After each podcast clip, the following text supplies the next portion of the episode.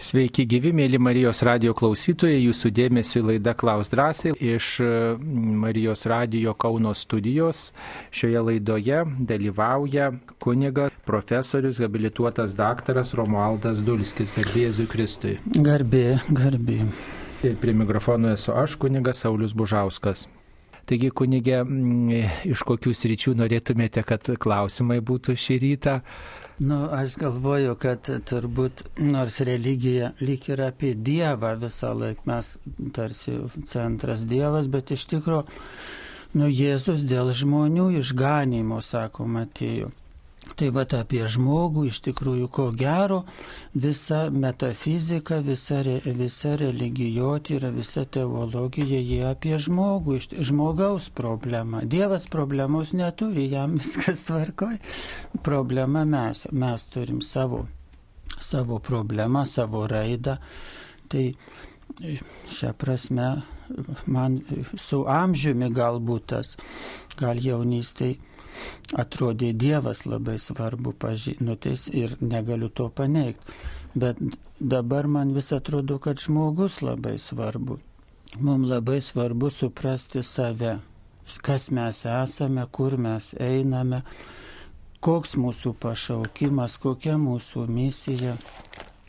Ir, ir va, vis, visokie religiniai, metafiziniai klausimai, jie jie turbūt mums, nu, tam tikslui jie yra keliami ir ieškomi atsakymai į juos. Taip, bet ar žmonės kelia tuos klausimus, kartais gal jie pasitenkina šitų pasaulių, užtenka tiek, kiek yra, arba nori daugiau uždirbti, daugiau turėti, prabangiau gyventi, lengviau gyventi, patogiau gyventi ir nekelia tų metafizinių klausimų. Taip, tik tikrai turbūt, kad įvairias kažkaip plotmes pagalvojau aną dieną, kad žmonės arba plotmėse ar, ar sferose, sakytum, gyvena vieni tokiam, kad mums, žinai, užtenka pelno, mūsų tikslas gyvenime pelnyti kuo daugiau, o bažny, į bažnyčią kažkaip, kai atsigręžiam, tai gal tas toks savimi patenkintumo jausmas nėra, nėra geras, kaip Dievas Senam testamente peikia, sako, jūsų teisumas, nu ir jau ten labai iš, išvaizdžiai pasakė, nenoriu čia nuo tų citatų tokių drastiškų pradėti, bet nu, raida tokia žmogaus, kad mes nesam visą žinančiai, nes negalim tokį būti, bet einame jį tą, kuris yra visą žinantis, arba į savo tokį tobulėjantį žinojimą.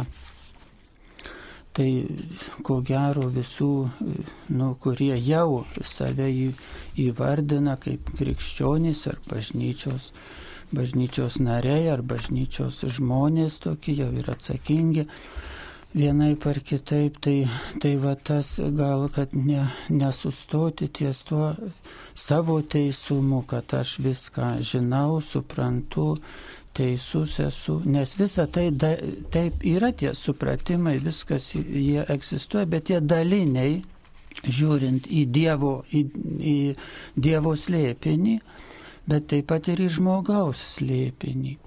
Žiūrint, tai visa, ką mes turime, labai, nu, galbūt tobulam lygiai, žiūrint žmogiškų požiūrių, bet visa, žiūr, visa tai iš tikrųjų yra daliniai dalykai.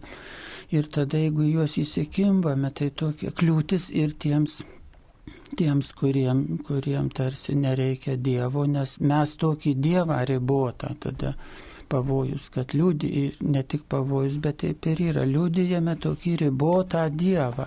Riboto Dievo niekam, nu, arba mums patiems tik gal reikia, jis patogus toksai, patogesnį Dievą.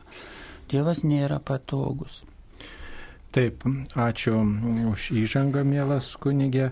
E, čia mūsų klausytojai primena, kad kaip tik tai šiandien jūs kunigė švenčiate savo gimtadienį, nuoširdžiai sveikiname ir čia prisijungiame prie ir mūsų klausytojų sveikinimo, kurie jums linki sveikatos, stiprybės, džiaugsmo ir mergelės Marijos globos. Tai va graži šventė jūsų gyvenime ir Dievui dėkojam už jūs. Ačiū labai, dėkui. Taip, tai e, štai kelios žinutės. Ar labai nusikalstu, kai susikaupusius e, e, magnifikat numerius metu į popierių konteinerį? Štai toks klausimas. Tai tikriausiai, kad ne, nes popierius yra perdirbamas, jau jums patarnavo, ten yra literatūra, kuri kurie, žodžiu, tiesiog popierius panaudojamas e, kito, kitų, kito popieriaus gamybai, e, spausdinimui ir panašiai. Aišku, gal idealiu atveju reikėtų sakralius tekstus sudeginti, tačiau ne visi turbūt turi tokias galimybės, tai tiesiog ne su šiukšlėm, bet su kitais popieriais tvarkingai sudėti ir jie yra perdirbami tiesiog tie visi mm, popieriai. Taip. Kaip padėti savo maldoje, kad tai būtų tikra, tikra, nelakstytų mintis kasdienybės reikaluose. Nu, aš maldą sieju su gyvenimu, galvoju taip. Nu, Teresė didžioji, galėčiau ją taip interpretuoti. Visą, ką parašė Teresė Vilietė, mano supratimu yra E, kaip sakant, jos e, maldos mokykla yra gyvenimo mokykla. Ir kuria prasme, kad jeigu mes pradedame melstis, jau mūsų gyvenimas toks, nu, į tam tikrą kokybę jisai vedamas, vedamas. Bet jeigu einame toliau, mal, norime geriau melstis, sąmoningiau, tai tuo pačiu mūsų gyvenimas tempiamas į, į didesnę kokybę. Ir jeigu norim dar, ger, dar geriau melstis, nes nenoriu sakyti, kad yra kažkokia tobula, galutinai tobula malda. Tai jos ga, galim tobulinti turbūt be galo savo maldą ir savo gyvenimą. Ir tai nu, viens vienas kitą remia. Ir mes, reiškia, jeigu iš tikrųjų netobulinam savo gyvenimo, tai ir malda sustoja. Mes tada tokį, nu, kaip sakant, apsisprendžiam, kad va mums gerai va taip papoteriauti ir gyventi va taip pusiau. Pusiau su malda, pusiau su Dievu, pusiau su savimi. Ir, ir iš tikrųjų visi turim to, to, ką turėtume pripažinti pusiau, kad dar yra, kokios tos pusės didesnės ar mažesnės. Turbūt, jeigu būtume tokie labai savikritiški, tai sakytume, o taip mano širdis nėra absoliučiai nepadalinta. Kažkaip tai ji nu, jeigu jau visiškai nepadalinta, mes tada tampame antruoju Jėzumi, ne, ne simbolinė, bet tokia realiaja prasme, tai, tai labai pretenzinga būtų pasakyti, kad mano širdis yra visiškai nepadalinta, visiškai atiduota Dievui. Tai va čia toks labai rimtas dalykas. Čia nėra technikų dalykas, o aš susikaupsiu dabar, žinai, va truputį susikaupsiu ir neišsiblaškysiu. Čia yra taip. Dievas turi būti pats svarbiausias kiekvieną tavo gyvenimo akimirką, visuose reikaluose ir vis siekiuose, tai kas dieviška. Ir tada malda, malda, ji, nu, a, kaip sakant, tobulėja. Taip, ačiū, mums paskambino. Antanas iš druskininkų. Taip, Antanai, klauskite. Garbėjus Kristo. Per amžius. Kunigėlė, tokiu klausimu. Aš nesigirant daug melžiuosi. Ryti, pavyzdžiui, tik subudęs penkis fotelėlius už savo sveikatą. Septynis norėjau už savo šeimos narus gyvus ir mirusius vienų poterelį už šventų tėvulį popiežių. Paskiau e, Juozapulio, Antanulio ir Kazimiero litanį. Ir paskiau vėl kiek būna rožinių, šventų mišų klausų. Tai man daug kas sako, sako, tu per daug dievulių vandė kysa. ar, ar, ar, ar, ar gali būti per daug mano šitų maldų, ar, ar, ar galima melstis, kiek dabar aš melčiu. Taip, supratome. Na, pra, Pranciškus Salezas atrodo yra pasakęs, kad kiekvienas tikintysis turėtų melstis pagal savo luomą, pagal savo įsipareigojimus ir pagal e, visus prisimtus darbus, kad nenukentėtų tai, ka, ka, iš ko jisai duona valgo, nenukentėtų kiti žmonės, kurie su juo susiję yra. Tai svarbu, kad, kad jeigu jūs melžiatės, kad darbai, kuriuos jūs turite padaryti, kuriuos esate įsipareigojęs, kad nebūtų kitiems žmonėms, kad nebūtų labai apleistos jūsų pareigos, kokios jums pridera jūsų darbe, šeim, namuose, visa kita, kad nenukentėtų m, mm, tiesiog kitos rytis mūsų gyvenime. Tai reikia labai pasverti tiesiog tokios išminties kelio. Jeigu, pavyzdžiui, e, tėvas nesirūpina savo šeima, nesirūpina savo šeimos nariais, viską, o vien tik tai melžiasi, na, tai, e, tai turbūt čia būtų vis tiek klaida. E, mūsų pašaukimas yra vis tiek ir pirmiausiai e, na, suderinti vis dėlto tuos įsipareigojimus, kuriuos mes prisijimam laisvą valią ir mūsų tą tikėjimo raišką. Tai kaip iš balsų supratau, esate vyresnio amžiaus, tai tikrai tikriausiai jau esate pensininkas, tai turbūt jau tokių didelių įsipareigojimų neturite, bet vis viena pažiūrėkite, gal galime ir tikrai padėti kitiems ir tokį, tokį, tokį išmintingą kelią pasirinkti, vidurio kelią, ar ne, kad melžiamės, bet kartu ir nepleidžiam pagalbos tarnystės kitiems žmonėms. O šiaip tas įkyrėjimas Dievui tikrai nėra įkyrėjimas. Argi gali e, mylimas vaikas įkyrėti savo tėvams, argi gali tėvai mylinti sveika normalia meilė įkyrėti savo vaikų, kaip ir e, su tuoktiniai vienas kitam skiria laiką ir toj meilė dėmesys bendravimas visada yra mm, e, na, reikalingas ir nėra per daug to bendravimo, žinau, tarp mylinčių asmenų. Taip ir su Dievu tas maldos gyvenimas niekada jo nebus per daug, nes meilė ir tiesai mūsų gyvenime niekada nėra gana.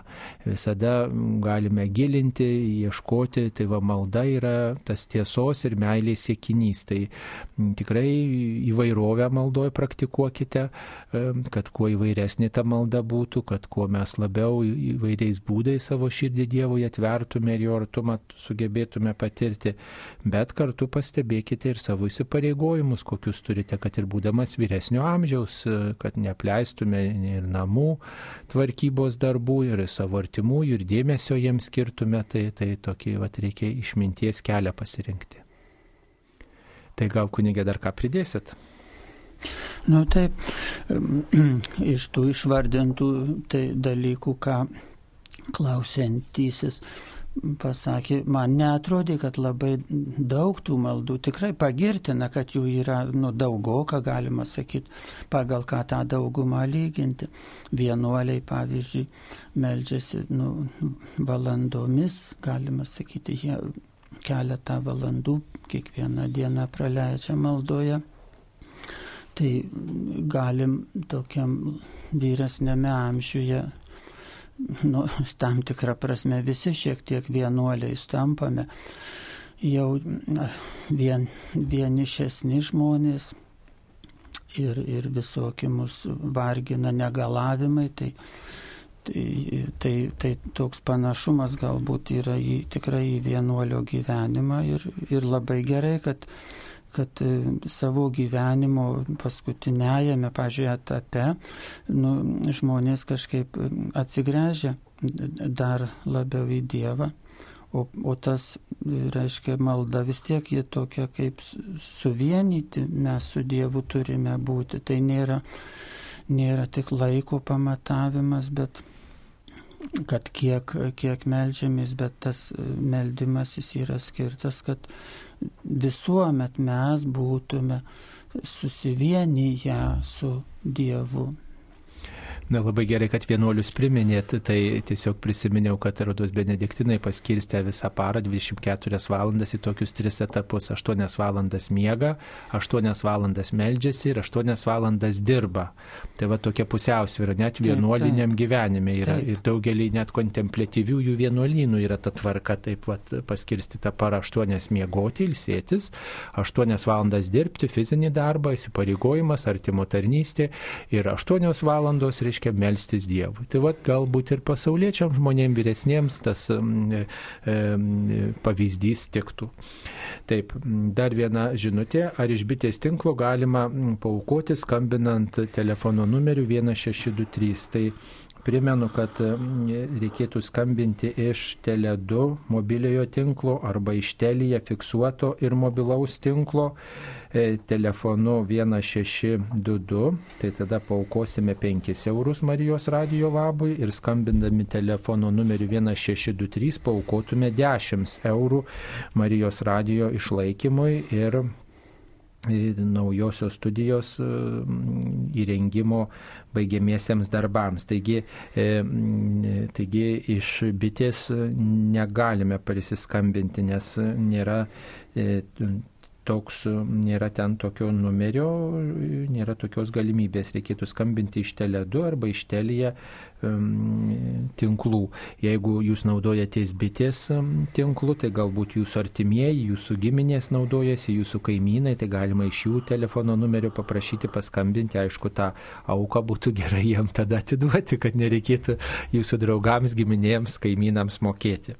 Tai ačiū visiems mūsų rėmėjams, tikrai džiaugiamės, kad jūs mėlyje ir per atlaidus palaikote Marijos radiją ir, ir pakalbinate ir pa, savo žodelį pasakote ir pabendraujate, ir susipažįstame e, su jumis ir, ir turime galimybę tikrai išgirsti jūsų žodį ir taip pat, kad kiek galėdami palaikote Marijos radiją. Primenam, kad Marijos radijas įsilaiko tik iš jūsų aukų, tik jūs, mėlyjei mūsų klausytojai, geradariai Lietuvoje ir užsienyje esantis išlaikote Marijos radijo, dažniausiai kukliauką, nu, nu, nu, skirdami nuo savo pensijos, nuo savo uždarbio auką ir tikrai galime gyvuoti ir E, plėtoti savo veiklą. Tikrai visiems nuoširdžiai dėkojame, kasdien jūs lydime maldą, prisimindami mišiuose ir ypač švenčiausio sakramento adoracijoje, kuri e, vyksta mūsų Marijos radio koplyčioje visą dieną ir joje kviečiame melstis už mūsų visus klausytojus, geradarius, bendradarbius, kad viešpats laimintų visų mūsų tikėjimą, kelionę, Dievo pažinimą. E, taip mums paskambino. Iš Kauno Antanas. Taip, Antanai, klauskite. Labą dieną. Labą dieną. Mano klausimas atsirado prieš kelias dienas. Kalbėdamas su viena giliai tikinčia puikia moterim, išgirdau, kad jie su grupelė moterų pradėjo daug melstis rožančių, tiesiog kalbėti mm, už mm, Putiną ir, ir Lukašenką. Na, kiek supratau, kad, kad, kad jie uh, nepridarytų Lietuvai bėdos. Pradžioje kažkaip pagalvojau, kad čia įdomi labai sveikintina krikščioniška iniciatyva, bet mąstydamas apie tai vis tik norėčiau e, tokių nu, išsamesnių komentarų, jei galėtų. Na, e, aišku, kad mūsų intencijos, kurios yra skelbiamos, turėtų, mm, gali būti įvairios, bet pirmiausia, neturi būti bloga linkinčios, turbūt apie tai reikia pagalvoti, ne, kad mes jeigu blogą prašom, tai tikrai tokia intencija, jinai na, netinka. Bloga. Taip, tai pirmiausia, o paskui, jeigu melžiamės už tuos, kurie, pavyzdžiui, blogą daro, arba kažkokios blogos valios turi, ar, ar kažkaip kaltinami blogio, e, na tai žinoma, reikia pagalvoti ir apie tuos žmonės, kurie klauso klausosi, kurie tą intenciją išgirs, kaip, kokia jų reakcija, nes mūsų užduotis turbūt yra ir nepiktinti kito žmogaus, nepapiktinti. Tai, e, nu, va, tai kartais, žinot, būna tokių keistų intencijų. Viena vertus, tai gali ir, gali ir tikrai reikia melstis už įvairius žmonės, kurie, kurie yra na, tokie kontroversiškai vertinami, bet, na, kita vertus, sukeliam tokį priešiškumą kitų žmonių, visą kitą. Tai patartina turbūt gal kartais taip suformuluoti tą intenciją, kad ji nekeltų tokio priešiškumo kitų žmonių širdyse, nek vis tiek mūsų tikėjimas turėtų vienyti, turėtų būti toks pilnas geros valios. Kita vertus, už, už pasaulio valstybių lyderius melstis nėra nieko, nėra nieko tokio blogo, čia žinot, melstis už kitą žmogų, tai yra gėris, jeigu aš gerą linkiu. Tai va, toks būtų komentaras. Dar ką nors pridėčiau. Nu, čia gali suformuluota galbūt taip, šiek tiek, nu, taip ties, tiesmukai, bet be melstis už blogųjų atsivertimą yra Dievo valia. Marija Fatimoje, kur bažnyčia jau pripažįsta Fatimos kaip tokį apsireiškimą svarbu, e, kaip tikrą apsireiškimą, tai Marija e, tiesiog Rusiją prašė pavesti, tiesiogiai pavesti Rusiją dėl to, kad ji komunistinė. Ir tai irgi e, toks labai tiesmukas Marijos prašymas, e, nu, kad, kad neužkrėstų savo komunizmo tą nelaimę, kaip marų kokiu toliau neplistų tasai komunistinis blogis. Tai va, ir bažnyčia tą priėmė, patvirtino, sakytume, ir, ir Jonas Paulius II toks švie, šviesus ir išsilavinęs popiežius.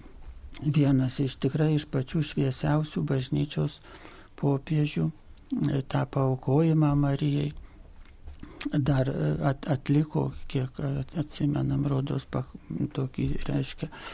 Tai paukoj, Rusijos paukojimą. Tai čia e, melstis už, e, už tas problem, problem, problemiškas valstybės ir, ir jų vadovus vėl mes neturėtume taip turbūt gretinti su, su demokratinių valstybių vadovais, nes tie vadovai yra mafijiniai, nu kaip čia pas mus Lietuvoje labai tiksliai prezidentė mūsų buvusi įvardino, kad tai mafijinė valstybė Rusija.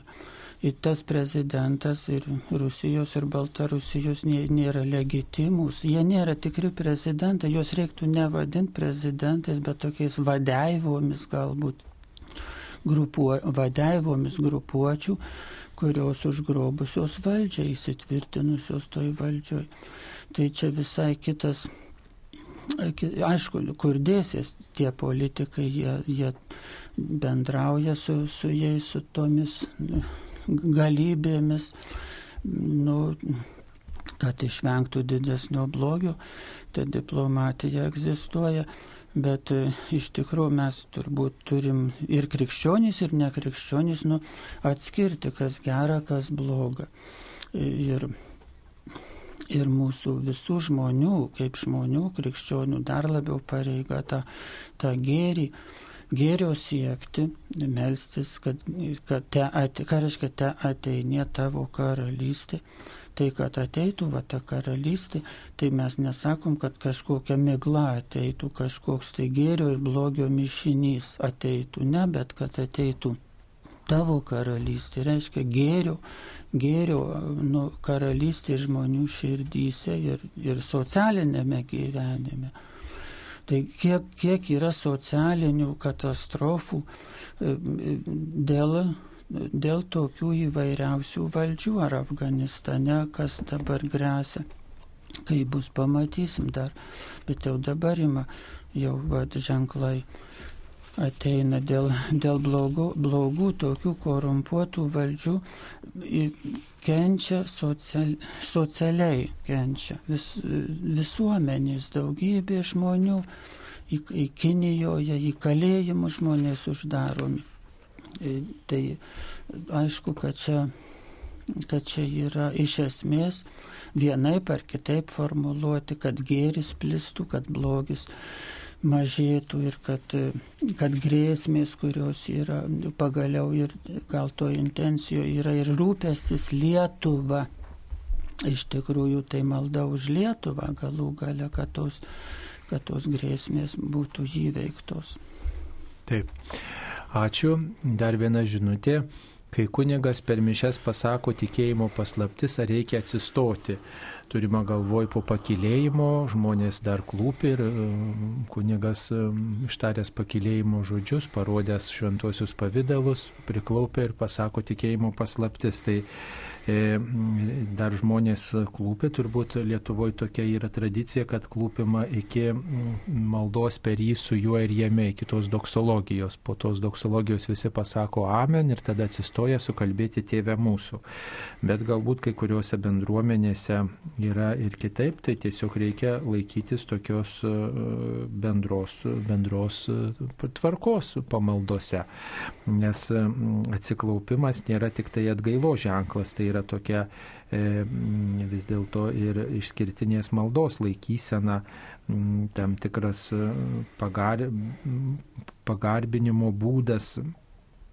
Ir tai žinoma nuo pat E, pirmųjų krikščionių, net apaštalas Petras ir, ir, ir, ir Diekonas Steponas ir daugybė kitų krikščionių, reiškia, atsiklaupę meldės ir tą mes skaitome šventajame rašte, net ir apaštalas Paulius yra sakęs, aš klaupiuosi prieš tėvą laiškė feziečiams. Tai mm, švenčiausio sakramento adoravimas taip pat vyksta atsiklaupus ir mm, tiesiog kitų kitos maldos taip pat gali būti kalbamos asmeninės atsiklaupus, tai, tai ta atsiklaupimo laikysena tikrai tokia išreiškia ir atgailos aspektą, bet kita vertus tokio didesnį atsidėjimą maldai ir mišiose įprasta vat, per tą patį iškilmingiausią mišių momentą klūpėti ir tada, reiškia, mes taip mm, galbūt geriau susikaupiame mm, ir, ir išgyvename tą maldos tekstą, kurį kunigas visų mūsų vardų skaito. Taip. E, dar viena žinutė. E, Taip, šiomis dienomis per mūsų dalinį pažinimą randam krikščionybėje nepilnatvę ir reikia ją papildyti kitomis religijomis. Kodėl e, tas yra? Girdžiu per, e, per tarp religinį dialogą peršamas kitas religijas. Štai tokia žinutė. Ar mūsų krikščionybėje negi kažko trūksta, kad reikia dialogo su kitomis religijomis. Nu, čia iš klausėjas gal kaip ir daugelis turi tokį iš ankstinį įsivaizdavimą. Iš klausimų juntama, kad, pa, nes nėra to piršimų, religijų dialogas arba tarp religinis dialogas yra katalikų bažnyčios pozicija ir katalikų bažnyčia rūpinasi plėtoti ir nieko neperša.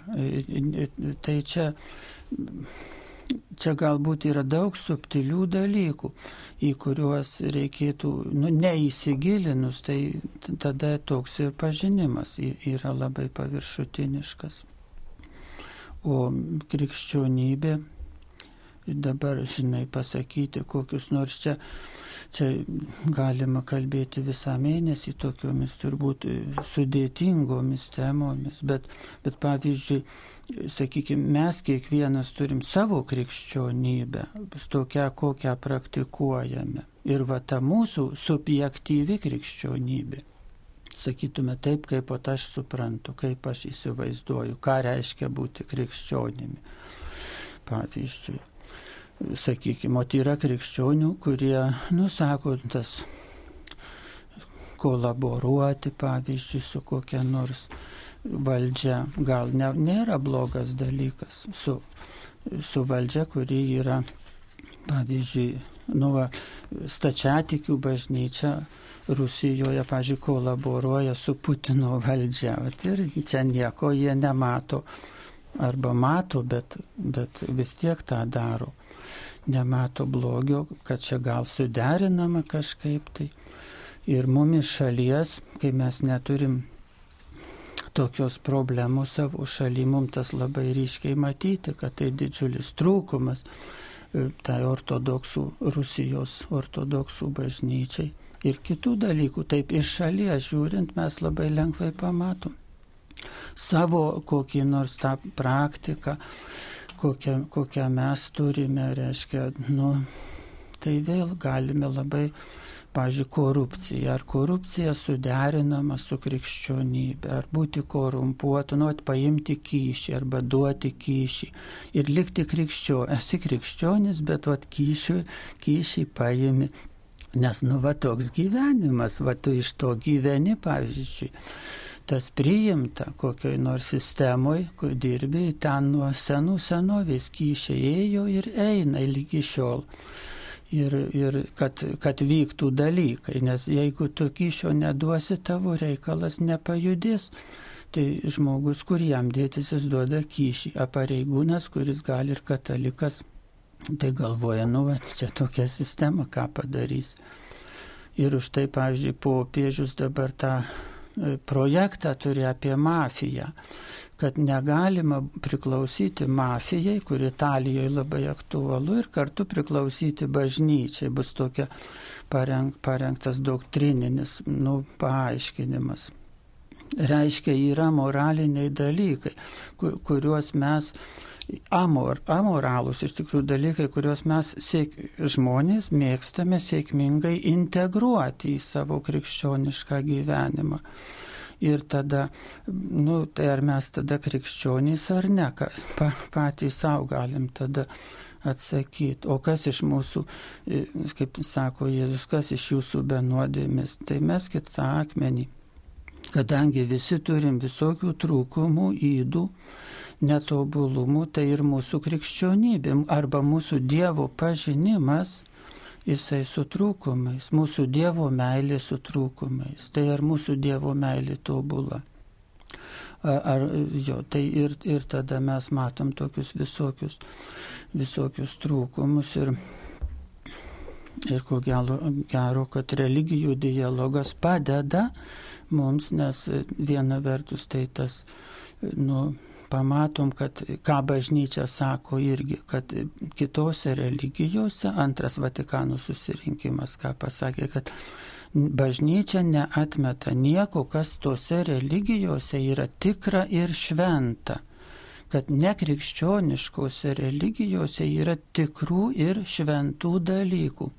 Tai yra katalikų bažnyčios oficialus mokymas toksai. Ir mums tai pamatyti, e, tai stovėti tokiu tiesos akivaizdoj, o neikti sakyti, o čia matau, kad tikra ir šventa, bet ne mūsų religijoje, bet vaizduoju, kad nematau. Tai tada mes nesažininkai esame. O nesažiningumas ar jis suderinamas su, nu, su Kristaus mokinystė, būti Kristaus mokiniu, būti nesažiningu O sąžiningi turim pasakyti, kad kitose religijose esama tikrų ir šventų dalykų. Ir, ir tada tas, tas matymas turbūt mus pačius nu, atit, atitaiso, mus, mus daro geresniais krikščionimis, tikresniais Kristaus sekėjais. Taip, ačiū. Dar vienas, viena žinutė, tokia ilgoka. Jėzus sakė, kad mokinys nedidesnis už mokytoją ir kad juos, juos sekančiųjų laukia tokie patys išbandymai. Jėzus nežadėjo patogaus gyvenimo, kalbėjo net apie pasaulio pabaigą. O mūsų maldose prašome apsaugoti nuo sunkumų, pavyzdžiui, visada džiaugtis sielos ir kūno sveikata Tačiau aišku, kad neįmanoma visada džiaugtis, pavyzdžiui, kūno sveikata. Todėl mane glumina daugelį žinomų maldų, jas kalbant jaučiu vidinį pasipriešinimą. Lyg Dievo per Jėzų preikštas planas vienoks, o mes prašome kitų dalykų. Gal kažko nesuprantu? Taip, čia, tur, nu, taip, turbūt čia teisingas toks pastebėjimas, labai, labai teisingas, kad iš esmės, mat, kaip yra dar, jeigu mes žiūrėsim, ką Jėzus išmokė tėvę mūsų maldoje, Tai ypač tie pirmieji prašymai, tokie, jie visiškai nu, neturi egoistinio jokio atspalvio. Tiesie tavo valia, tien tavo karalystė, taip toliau. O paskui, kai sakome, duok mums duonos, tai tą interpretuoja daugybė turbūt nu, dvasinių mokytojų, kad reiškia, kad tai būtinų dalykų, nu, pavyzdžiui, kaip tie mm, prieglopščio prašytojai, jie, jie prašo nu, tiesiog to, kas jiem kaip žmonėm tiesiog būtina. Ar, ar reiškia, ne kokiu tai saldainių Dievas pamokė prašyti, ne, bet duonus, ka, be ko žmogus negali gyventi. Tai visų pirma, aišku, kad arba tas pasakymas, visų pirma, ieškokite Dievo karalystės. Tai čia kaip klausėjas ir, ir tą pastebi, kad tas tikrai tai, tai yra tai yra labai svarbu, kad mes visų pirma ieškotume Dievo karalystės ir arba kaip apaštalas Paulius sako, būkite tokio nusistatymo kaip Jėzus Kristus. Būk, mums, sako, visiems tą siūlo, būkite tokio nusistatymo. Tai čia yra krikščionybės šerdis, esmė. Es, žinoma. O ir, ir to, to siekti, to trokšti, o tie, tie prašymai tokie, nu, va, ten kūno sveikatos ar, ar, ar ko nors, tai, nu, jie iš tokios, nu, kartais žmonės lengvai serga, kartais sunkiai serga, kenčia labai. Ir čia turbūt toks žmogaus tą tokį silpnumą. Ir Jėzus beje, vad sakykime, alyvų tam kalne, Jisai ėjo, į kry, ėjo ir iškentėjo kryžių, bet alyvų kalne jisai sakė, tėve, te praeina šitą taurę, jeigu galima. Reiškia, išgelbėk mane nuo, nuo, nuo to kentėjimo. Jėzus prašė ir Dievo valia nebuvo ta. Bet Jėzus turbūt davė tokį, nu reiškia, kad mes turim būti tokie, sakykime, herojiški, nu, ar kaip didžiadvasiški, turim būti. Bet būdami didžiadvasiški, reiškia, toks Tomas Moras buvo kankinys, kuris ilgai kalinamas buvo, kad apsigalvotų. Jis politikas buvo ir dėl tikėjimo buvo įkalintas ir pasmerktas mirti. Ir jisai, jo laiškai yra išlikę ir tuose laiškuose jisai labai gražiai žmogaus tą trapumą atskleidžia. Jisai sako, žinai, aš šiandien jaučiuosi stiprus, kad kad jeigu šiandien mane žudytų, aš man atrodo, aš esu pasiryžęs. Bet sako, aš nežinau, ar rytoj tas nepraeis, tas mano ryštas. Ką žinau, ar aš ištversiu. Juk ir Petras išsigynė. Ir čia tok, tokie giluminiai turbūt dalykai pažinti tą savo silpnumą, pamatyti Arba ten Tomas Moras sako, žinai, kaip aš pasilgau žmonos ir tokio šeimos jaukumo kalėjime. Ir jis tą jaučia, bet jis nepakeitė savo, reiškia, nuostatus, jis liko. Jusdamas tuos silpnumus, jisai liko ištikimas nu savo pasiryžimui, būt, reiškia, liūdyti tiesą ir, ir nuėjo į tą mirtį vis dėlto.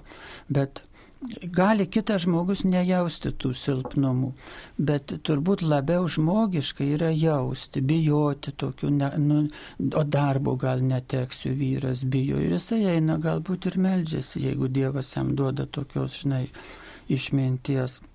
Dieve, nu, leisk man turėti darbą dėl mano šeimos, tai ką aš, kaip aš juos išlaikysiu savo šeimam. Ir meldžiasi dėl darbo, ar vėl dėl kokio nors būtinio dalyko, galbūt meldžiasi, kuris svarbus, dėl silpnumo. Bet, nu, va, turbūt tokia, kaip sakant, virš visko, tai teisingai tas, tas atsidavimas Kristui. Būkite tokio nusistatymo kaip Jėzus Kristus. Taip, dar viena žinutė apie Mariją. Kodėl Marija nepasitarė su mama, nes jai buvo tik 13 metų.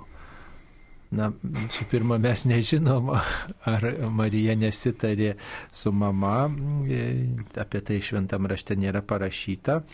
E, viena vertus, kita vertus, matot, anksčiau ta žmonių branda buvo truputį ankstyvesnė, jie anksčiau tas sužadėtuvę švesdavo negu kad dabar. Pavyzdžiui, dabar jau net ir 18-mečiai, 19-mečiai retai, pavyzdžiui, mūsų krašte tuokėsi ir, ir apie santoką galvoja, o anksčiau žmonės galvoja, kadangi žmonių gyvenimo trukmė buvo mažesnė nei dabar, tai branda buvo ankstyvesnė ir, Ir, ir, ir tiesiog, na, žmonės anksčiau bręsdavo ir, reiškia, 13 metų, 14 metų jau žmogus buvo daug brandesnis negu kad yra dabar 13-14 metų žmonės. Tai, tai, tai reikia turėti galvoje.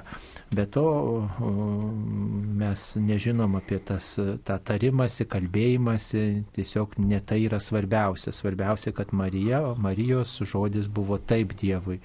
Ir ji tiesiog sutiko tekėti už Juozapo, sutiko ir, ir vaik, priimti vaikelį šventosios dvasios, tai, tai tiesiog na, Dievo planas toksai bendradarbiauti su žmogumi, o žmogaus planas atsiliepti. Taip, mums paskambino. Irena iš Veliuonos. Taip, Irena, klauskite, jūs eteryje. Garbėjai Kristus. Per amžius buvom su drauge Žemaičių kalvarijų atlaiduose ir ten davėm auką. Aš 20 eurų daviau jį kažkiek, vyras ir moteris buvo prie vartų, bet jie neturėjo jokių bukletų, jokių knygučių, nieko. Tik tai uh, užrašė pavardę, vardą ir viskas. Aš šiandien pagalvojau, gal kartais apsišaukėliai buvo, ar galėjo šitai būti. Na, jūs turit galvoj, kad paliko tauką Marijos radijui, turbūt, ar ne? Nu, tai, tai be abejo. Taip, ačiū labai, kad jūs skiriate auką Marijos radijui. Na, e, matot, paprastai Marijos radijos savanoriai turi kažkokią atributiką. E, jie, jeigu prievartų ar kur renka aukas, e, tai tikrai turi kažkokią atributiką ir tada galima aiškiai matyti, kad tai yra Marijos radijo, Marijos radijo savanoriai. Kita vertus yra aukų dėžutė su Marijos radijo simbolika ir auka užrašoma taip pat į ne bet kokius lapus, bet į lapus, kurie kurie yra su Marijos radijo taip pat ženklais. Tai auka yra užregistruojama. Tai va, reikia visada žiūrėti, su kuo susitinkame ir, ir kilant abejonėms pranešti savanoriams arba paskambinti mums į redakciją, jeigu yra kažkokių piknaudžiavimų ar kažkokių blogos valios atvejų. Tai ačiū, kad keliate tuos klausimus ir kviečiame tikrai visus būti budriais žmonėmis. Dar viena žinutė. Prašau išvardi, pilnai išvardinti septynės didžiasias nuodėmės prieš šventąją dvasę. Klaus, prašo Julį. Na tai turbūt reikia pasakyti, kad tokių apibrieštų, kad būtų apibrieštos septyniosios didžiosios nuodėmės prieš šventąją dvasę, tai mes negalime aptikti, kiek turime žinių. Yra tik tai septynios didžiosios nuodėmės, kurios yra apibrieštos katekizmiuose, štai galime jas ir išvardinti. Septynios didžiosios nuodėmės tai yra puikybė, rūstumas, pavydas, tinginystė, nesaikingumas, neskaistumas ir godumas.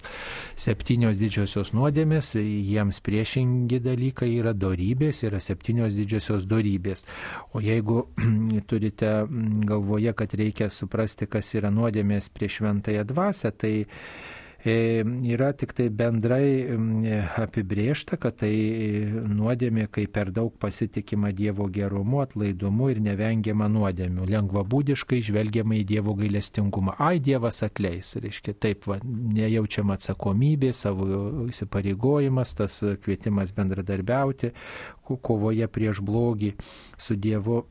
Ir E, ta tokia neviltis, kai nusimenama dėl sielos išganimo, kai prieštaraujama, e, na taip akivaizdžiai, atkakliai prieštaraujama bažnyčios skelbiamai tikėjimo tiesai. Kai nepaisoma išmintingų pamokymų, patarimų, įspėjimų, paraginimų dvasiniuose dalykuose Ir kai susitaikymą su Dievu mes nukeliam į priešmirtinį momentą. Pavyzdžiui, ai, prieš mirtį susitaikysiu, ai, bus dar laiko. Tai tiesiog atidedu tą e, kvietimą, viešpaties kvietimą atsiversti, keistis.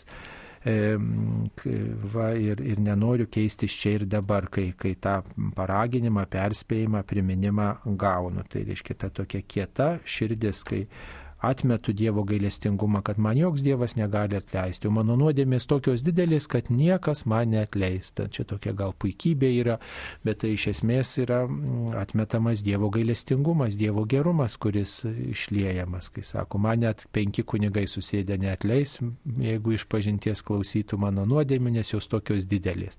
Tai žmogus tiesiog užkėtėja, jis ne, nesupranta, kad Dievo gailestingumas yra tarsi vandenynas prieš mano lašelį prieš mano padarytą blogį, kad ir mažą ar, ar didelį, bet, bet Dievo gailestingumas yra daug didesnis, Dievo meilė yra daug tobulesnė. Ir tiesiog kreiptis į tą viešpatį mūsų už, užduotis, mūsų, mums skirta. Tai štai tokios tos nuodėmės prieš šventąją dvasę, bet kad tai būtų papunkčių išvardinta, tai tokių raštų bent aš nežinau, nebent kunigė jūs ką pridėsite. Nu taip, yra galima dar katekizme rasti ir taip dar, dar įsiskaityti dar kartą galbūt tai, bet va, viską atrodo ir paaiškinote iš esmės. Taip, ar gali kunigas mišių metu agituoti skiepytis, vadinti nesiskiepijančių sofos filosofais, ragina tikėti mokslo, o ne dievu, juk verčiama skiepytis eksperimentiniu nežinomu preparatu. Na, žinote, mes nesivelsime gali tas diskusijas, aišku, mišių metu yra skelbiamas Dievo žodis, yra paaiškinami tikėjimo ir moralės dalykai, aišku, čia yra ir popiežiaus tokio paraginimo skiepytis, yra ir, ir, ir kitų ganytojų tokių, tokio patarimo, paraginimo, priminimo, nes mat, išvelgiama, kad tai yra pagalba šiuo metu, tačiau na, toks primiktinis vertimas šventimas mišių metu tai nėra turbūt bažnyčios užduotis, tai vis dėlto galima priminti, paaiškinti, argumentais išdėstyti, tačiau ne, ne mūsų užduotis turbūt versti, skiepintis ar kažkaip įžeidinėti tuos, kurie nesiskiepia ir panašiai. Čia tikrai reikia labai daug pagarbos vieni kitiems ir tikrai ieškoti argumentų, kodėl skiepijasi žmonės, kodėl verta skiepytis, argumentų ieškoti ir, ir klausytis įvairių sričių specialistų Va, ir tada, jeigu pasirenkame nesiskiepyti, tai vėl kokie argumentai, labai rimti argumentai turėtų būti, ne? Ir tada vis tiek kitas priemonės reikia naudotis kitomis priemonėmis, kad vis dėlto, na, netaptume užkrato platintojais, žodžiu, laikytis izolacijos, tokios ypač pabrėžtina rankų hygienos ir, ir, ir na, priboti tuos kontaktus su žmonėmis kiek įmanoma. Na, tai, Tai tiesiog čia tos laikmetis toks sudėtingas ir vis dėlto turbūt išmintingiausia mums saugotis, vis dėlto labiausia saugotis nuo neapykantos ir nemailės viruso, kuris nu, kuris turbūt pavojingesnis negu kad e, tas koronavirusas, kad mes, reiškia, neužsidegtume neapykantą priešiškumu, nes čia jau kalbam apie ne tik apie laikiną į savo šitą gyvenimą, bet kalbam apie amžiną į savo gyvenimą, kaip mes jam ruošiame, nes jeigu mes priešiškai nusiteikiam prieš besiskiepijančius arba priešiškai nusiteikiam prieš tuos, kurie nesiskiepija, na tai užnuodijam savo širdį neapykantą priešiškumu tokiu puikybė, va, ir tai yra sunkiosios nuodėmės, kurios prislėgia sąžinę, atitolina mus nuo, nuo, nuo meilės artimui, nuo meilės Dievui. Tikrai reikia argumentų kalba turbūt čia labiausiai remtis. Ar kunigė pritartumėt? Taip.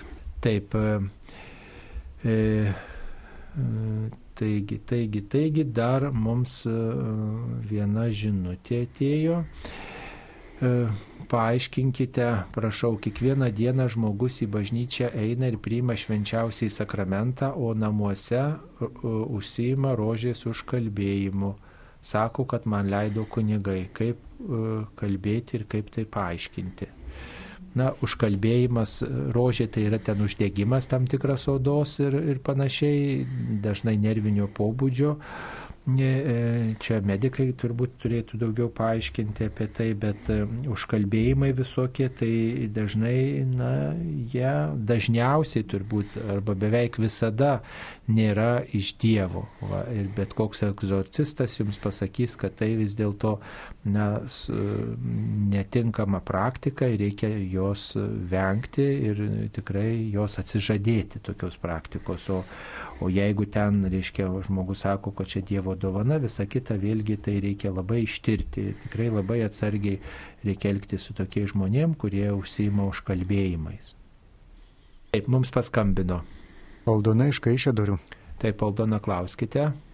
Garbėsiu Kristus. Per amžius. Aš norėjau pasiteirauti, ar aš teisingai melčiuosi taip melzdamasi. Pavyzdžiui, Šventoji Marija melskė už mus O aš sakau, šventoji Marija, melski už mano sunkiai sergantį sūnų, kuris šaukėsi tavo pagalbos. Ar čia nedarau klaidos? Na tai aišku, kad nedarot klaidos, nes jums rūpi jūsų sūnus ir jūs tokiu būdu melžiatės būtent už jį. Tačiau, kai sakom šventoji Marija melski už mus, tai melžiamės už visus - ir už jūsų sūnų, ir už kitų žmonių vaikus, ir už save, ir už tuos, kurie nutolę, už tuos, kurie tiki, abejoja. Na tai nereiškia, kad jūsų sūnui mažiau, mažiau teks tos malonės. Tikrai jūs labai rūpinatės savo vaikų sergant sergančių vaikų. Ir tikrai tai yra suprantama, motina rūpinasi savo sergančiais vaikais ir slaugo juos ir, ir tikrai viską daro, kad tik jie būtų sveiki ir, ir slaugą teikia ir, ir, ir melžiasi ypatingai įvairiomis maldomis už savo vaikus. Tai tikrai asmeninėse maldose galime melstis taip, kaip jūs ir sakote, turit va tokią asmenišką intenciją, tačiau nepamirškit, kad kai sakom tėvę mūsų, tai kreipiamės į visų Dievą ir, ir, ir Dievas nereiškia, kad tą malonę padalyja visiems ir visiems tenka tik tai po mažai, o kai melžiamės tik už tėvę mano, tai visos malonės man ateina. Na tai, žinot, maldoj labai svarbu turbūt ne tik mano išgyventi santyki su manaisiais, kas yra mano, kas man priklauso, bet taip pat ir su daugybė kitų žmonių, nes malda jinai yra vis dėlto ne tik mano santykis su Dievu, bet mūsų visų žmogiškumo tam tikras išgyvenimas ir mūsų visų žmogiškumo atvėrimas Dievui. Ir tas brolystės aspektas yra labai svarbus, kad tikrai aš melžiuosi su daugybė žmonių kartu. Ir tie žmonės melžiasi taip pat ne tik už save, bet ir už mane. Tai tas yra nuostabu, kad mes esame susiję tarpusavį įvairiais saitais ir tik tai apsiriboti, kad aš melžiuosi tik už savuosius ir, ir taškas. Ir tai čia toks truputį išeitų na, kaip ir egoizmas. E, tai tikrai viena vertus suprantamas tas rūpestis, kad man rūpi savieji artimieji, tačiau mūsų širdis kiek įmanoma turi būti atvira. Ir, reiškia, mes negalim apsiriboti tik savaisiais. Va, vis tiek mes priklausome žmonijos šeimai ir kaip popiežius pasakė, visi esame broliai ir seserys. Ir dokumentas toksai parašytas, reiškia, kaip tik tai tam broliškumo aspektų išgyventi. Ir mūsų va, tėvė, mūsų malda tą nepaprastai gražiai išreiškia, kad visi mes esam Dievo vaikai, visi įvairių žmonės ir mes e, melžiamės e, į Dievą e, taip, kaip tu, to mūsų išmokė Jėzus Kristus, labiausiai prie žmonių prieartėjęs. Ir melžiamės ne tik už savo reikalus, bet draugė su visais, tai reiškia ir už kitų reikalus tuo pačiu. Ir, ir tas svarbiausias reikalas, dėl ko mums reikia melstis, tai nu, išganimas ne, vis tiek, aišku, kad kai ser, sergame mes ar mūsų artimieji, lyga yra tarsi į pirmą vietą išeina mums, bet, bet vis dėlto pirmoji vietoj turėtų būti mūsų asmenybės branda viešpatyje krikščioniškoji branda, ar kaip ją įvardintume, arba išganimo tas kelias ir labiausiai, ko reikia mūsų artimiesiems, mums patiems, mūsų artimiesiems, mūsų mylimiesiems. Ir visiems, visiems žmonėms tai, ką vadiname išganimu arba tokia dvasinė branda pažinti Dievą tobuliausių būdų šiame gyvenime.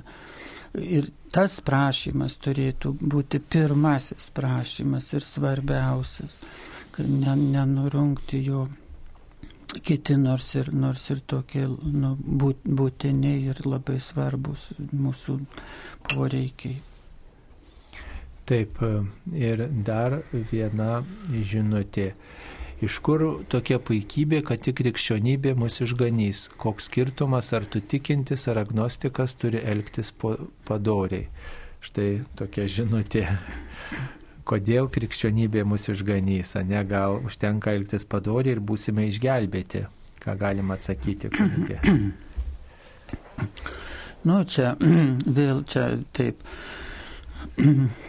gal toks šiek tiek irgi, nu, klausiančiojo nežinau, gal neįsigilinimas į iš tikrųjų į tą, tuos visus žmogaus egzistencijos klausimus, toks šiek tiek paviršutiniškas, galbūt iš tikrųjų ir, ir galbūt tai reakcija į tokį atsiprašau, reakcija į tą tam tikrą evangelizaciją, kuri yra primityvi, kuri taip, nu, nieko nepaaiškindama ir neargumentuodama, taip sako, at krikščionybė ir, ir, ir visi kiti klysta, mes tik tai teisūs. Ir, ir tarsi iš tikrųjų į tokį pateikia viską lik subjektyviai Ir man atrodytų, kad šiandien reikia labai suvokti ir mąstyti apie Dievą kaip objektyvių gėrių versmę. Dievas kaip objektyvaus šventumo, objektyvios išminties versmė. Ne koks tai subjektyvus, nes to, nu, turbūt evangelizacijos tokioj visumoje, tai to esama, to, tokioj įspūdžio, kad tarsi mes Dievą sumažinam, darom jį subjektyvų tokį kažkokį ir tada va šitas klausimas galbūt yra iš dalies kaip reakcija į tokį, nu, nelabai brandų ir nelabai šiandienišką evangelizacijos būdą ir nelabai atitinkantį Dievo valią. Turbūt. Tai, o kita vertus, tai reiškia per krikščionybę, nu negalim visas religijas turbūt dabar aptarti čia laidoje, bet per krikščionybę Dievas, Dievas ateina arba tas ateina žmogaus, ta metafizinis, tas, nu, tas sfera atsiveria, kuri, kur mes esame ne tik fizinės būtybės, taip, taip manome, taip galvojame, taip tikime bet esame metafizinis, tas, kas už fizikos ribų, už fizinio pasaulio ribų. Ir net, kad tai tas, kas yra už fizinio pasaulio ribų, mumyse yra ir tai labiau lemia mūsų gyvenimus negu tas fizinis. Tai pasaulis ir, ir, ir tai yra labai svarbu turėti metafizinį gyvenimą apie kurį nu ir kalba E, krikščionybė, tikėjimas ir mokom. Ir svarbu, kad tas, aišku, tas kalbėjimas mus nugydytų kaip žmonės, nes mes pilni visokių įdų esame, visokių ambicijų, kvailų, visokio, visokio žinai, egoizmo pavydalų. Ir tik atėję iš tikrųjų turbūt į, į tą santykį, į tą religinį pasaulį, krikščionišką pasaulį, mes pradedam pamatyti tą savo žaizdas ir pradedame gyti.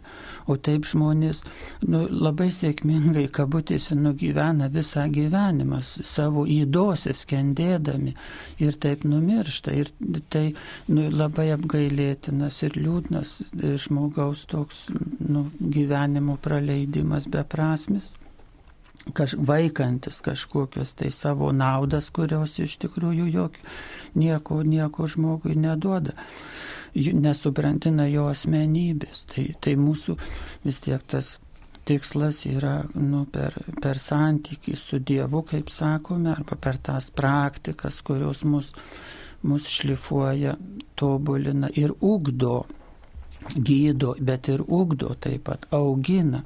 Ir tas ateimas į, į santykį su Dievu, jis yra ir gydantis, ir ugdantis ir koks tai nusišalinimas nuo, nuo, nuo Dievo.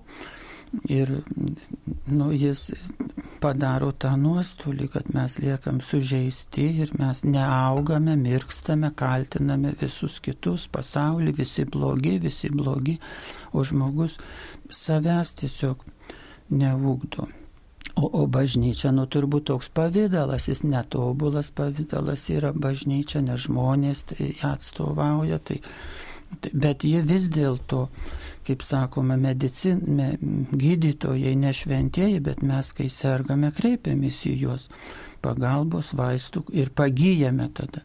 Taip panašiai bažnyčia, ji netobula, daug įdingų asmenybių yra bažnyčioje, bet ji turi tokią galę, galę pagydyti, pagydyti ir ugdyti.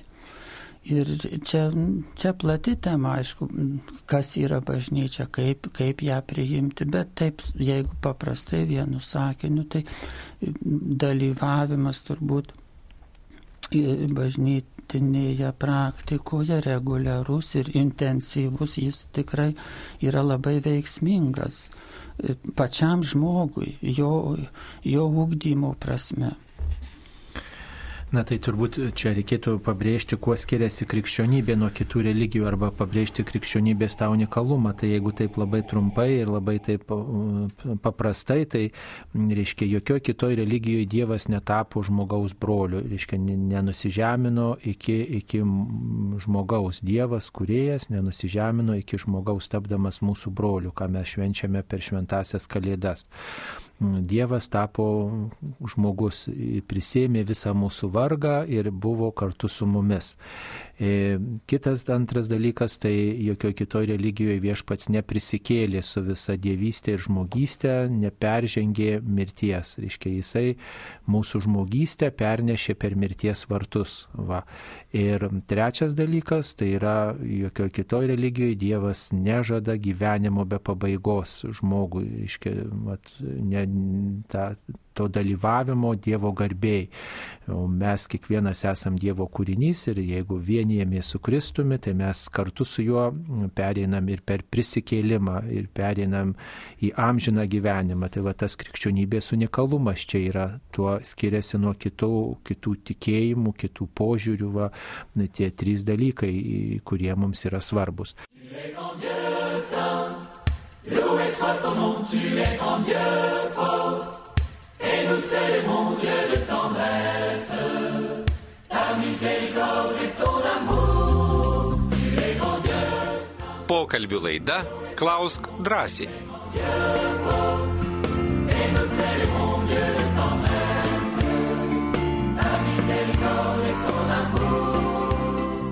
Taip tęsėme laidą, mėlyjeji. Šioje laidoje dalyvauja kunigas profesorius habilituotas daktaras Romualdas Dulskis, kuris kaip tik tai šiandien švenčia savo gimtadienį. Viešpats te laimina, te globoja jūs ir visus jūsų užmojus. Esame jūsų žinutės, skai, skaitome toliau. E, štai e, viena e, tokia žinutė, kuri labai dažnai pasitaiko, ką reiškia amžinosios mišios, ar man paukojus už mane bus melžiamasi amžinai. Tai dar kartą primename, kad amžinosios mišios tai yra čia saleziečių tokia iniciatyva, Reiškia, jie taip vadina e, šventasias mišes, kurios aukojamos yra Romoje, vienoje iš bazilikų. E, ten e, toje bazilikoje yra jų įkūrėjo Šventojo Jono Bosko relikvijos ir jisai dar gyvas būdamas išprašė iš popiežiaus tokią, tokią malonę, kad štai toje bažnyčioje, kurią jisai statė, bus melžiamasi už saleziečių draugį draugijos e, gyvuosius ir mirusius geradarius, už visus aukotojus, kol jie gyvi melžiamasi už juos, kad Dievas laimintų jų kelią ir taip pat melžiamasi jei, už juos, jeigu jie jau iškeliauja jiem žinybę. Vienos mišios už visus, už visus draugijos e, saleziečių bendruomenės geradarius, gyvus ir mirusius. Tai, va, tai, tai yra tos amžinosios mišios, kurias saleziečių bendruomenė propaguoja. Tačiau kiekvienos mišios yra amžinosios, nes kiekvienose mišiose, kuriuose meldžiasi kunigas bažnyčioje, jis taip pat meldžiasi už gyvus ir mirusius. Tos sekmadienį turi kuniga pareigą aukoti parapijos klebonas už savo parapiečius gyvenančius toje teritorijoje gyvus ir mirusius. Tai e, tą irgi reikėtų tiesiog na, prisiminti, kad nėra kažkokio, kažkokios išskirtinės. Tiesiog tos mišios, kurios vadinasi amžinos ir į, prie kurių prisidėti kviečia saleziečiai, tai yra na, būdas paremti jų bendruomenę ir tiesiog iš dėkingumo saleziečiai įsipareigoja apskritai už visus gerą geradarius melstis. Tai va taip, bet kai jūs dalyvaujate savo bendruomenės gyvenime, tai taip pat jūs prisidedat prie savos bendruomenės ir jums pasirinkti, ką jūs norite paremti ir jums pasirinkti, kur norite, kad e, už jūs melstusi, kuri bendruomenė, kuris kunigas, kaip ir pasirenkam bažnyčią, kuriuose šventasias mišes užprašyti, ar savo tėviškės parapijoje, ar ten, kur gyvenam, ar vienuolijos bažnyčioje, pasirenkam, kur lankyti, pasirenkam, kokiai bendruomeniai priklausyti, dalyvauti, taip ir na, pasirenkam, kokias mišes užprašyti už, už, už save, už savo artimuosius. Va. Tai ir tose mišiuose taip pat, kiekvienose mišiuose ir ypač ten, kur gyvenate, tai kunigas įsipareigojęs yra melstis už tos parapijos žmonės. Tai visada yra teisinga paremti ir savo parapiją, kurioje gyvename. Mums paskambino. Eugenija iš Kauno. Taip, Eugenija, klauskite, jūs eteryje. Garbėjai. Per amžius. Aš noriu paklausti, kodėl dabar kartais kalbamas rožinis šitaip. Pirmiausiai, pirma paslaptis, apie ją viską papasakoja, tą pamokslėlį tokį, toliau kalbam visą paslaptį. Kaip reikia jau antrą paslaptį sakyti, ar trečią, ar ketvirtą, vėl grįžtama pamokslėlis už tą pirmą paslaptį ir vėl iš naujo, o tik tada antra paslaptis kalbama. Tai man tai toks įspūdis, kas čia taip sutvarko ir kodėl įsiblaškai jau pasiruošęs tai antrai paslapčiai, dar reikia grįžti į pirmosios apmąstymą. Tai kas čia taip, nu kodėl, nežinau, noriu paklausti. Vat pavyzdžiui, kalba mūsų gerbiamas arkivyskupas Kestutis.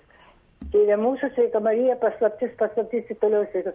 Gražiai ištisai eina rožančius ir kažkaip tai nuteikia taip.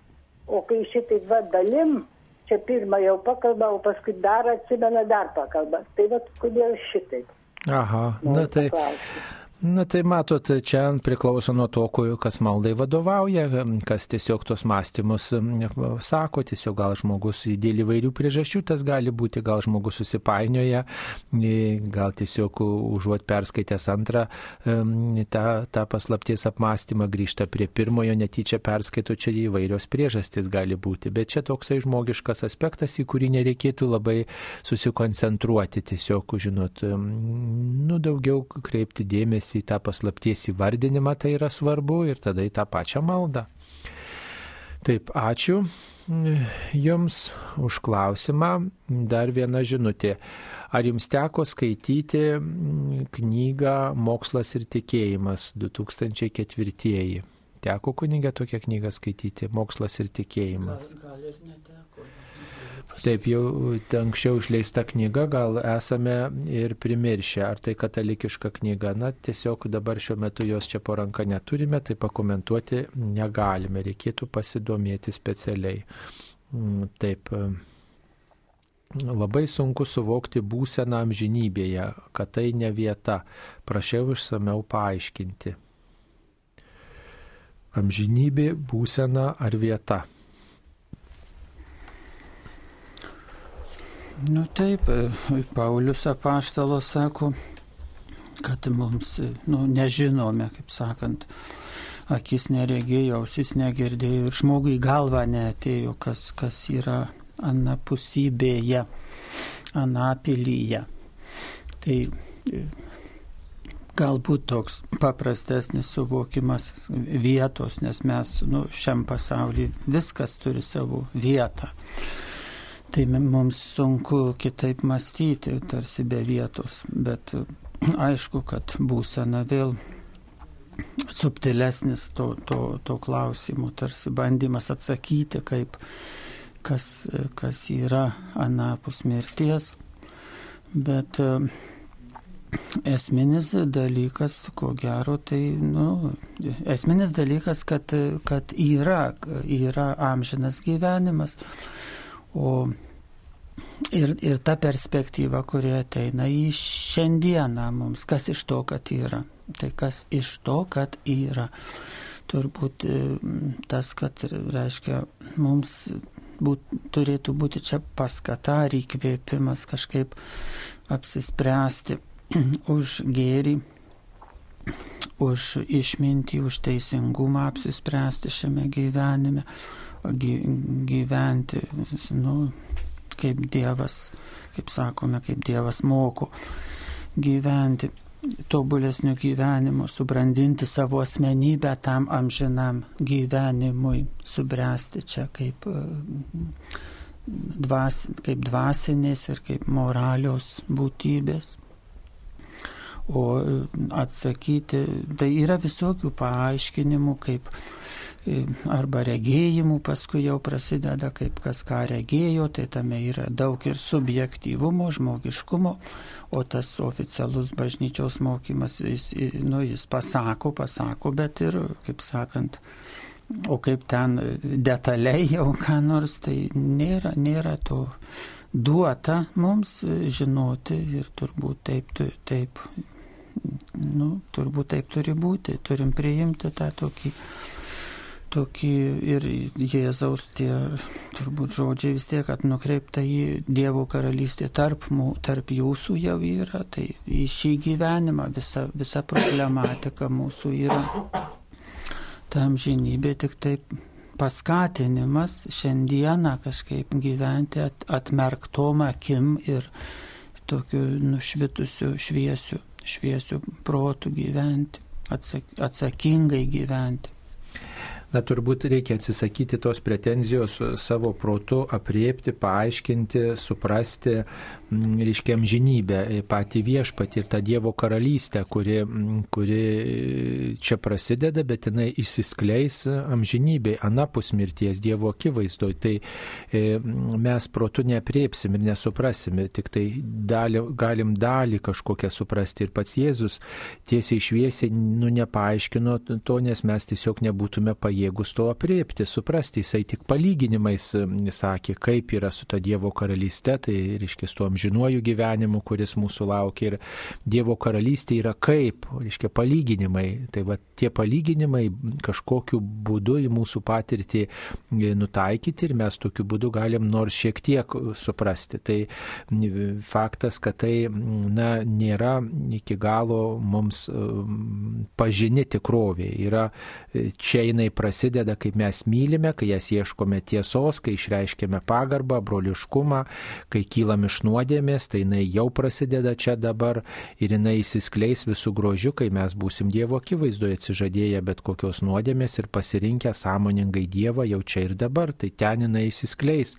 E, o tai ar vieta, ar būsena iš esmės e, man, pavyzdžiui, nelabai ką ir keičia. Aš tik žinau, kad būsiu arčiau Dievo ir visi kiti klausimai, problemos atkris. O ar vieta, ar būsena, nu, iš esmės tai, tai nieko nekeičia. Man svarbus Dievo artumas, man svarbu atsižadėti blogio. Um, vat tas dabar šiuo metu turėtų būti svarbu ir jums, mėlyjei klausytojai, atsižadėti nuodėmės ir samoningiau pasirinkti Dievą, samoningiau pasirinkti pagarbą artimui ir, ir rauti iš savęs visokius trūkumus, tokiu būdu ruoštis Dievo karalystė. O kaip jinai ten bus, tai nei akis neregėjau, nei ausis negirdėjau ir aš ne, ne, protu nepaaiškinsiu, žodžių nesurasiu, bet aš žinau, kad tai Dievo pažadas ir jisai pildosi ir aš pasitikiu tuo Dievu ir, ir, ir kuris mane nuves, tai jisai tik vieną žino, aš tik tai laikausi jo rankos, noriu laikytis. Vat, ir jums jums tą siūlau. Taip, mums paskambino. Stanislavas iš Kauno. Taip, Stanislavai, klauskite. Garbėdė Kristus. Per amžius. Man, man toks klausimas apie gailesčio aktą, kur prieš mišęs visi kalba. Nu, sako, labai nusidėjau mintimis darbais ir apsaimas. Ir dabar, reiškia, ir kunigas, ir visi tie krikščionys, kurie klauso mišių, yra baisiausi nusidėlė. Tai dabar e, kaip čia suprasti, ar jam atleistas nuodėmės visi tie angelai šventieji, kurie meldžiasi, ar netleis. Jeigu atleis, tai nereikia eiti iš pažinties, jei netleis, tai koks čia tikslas.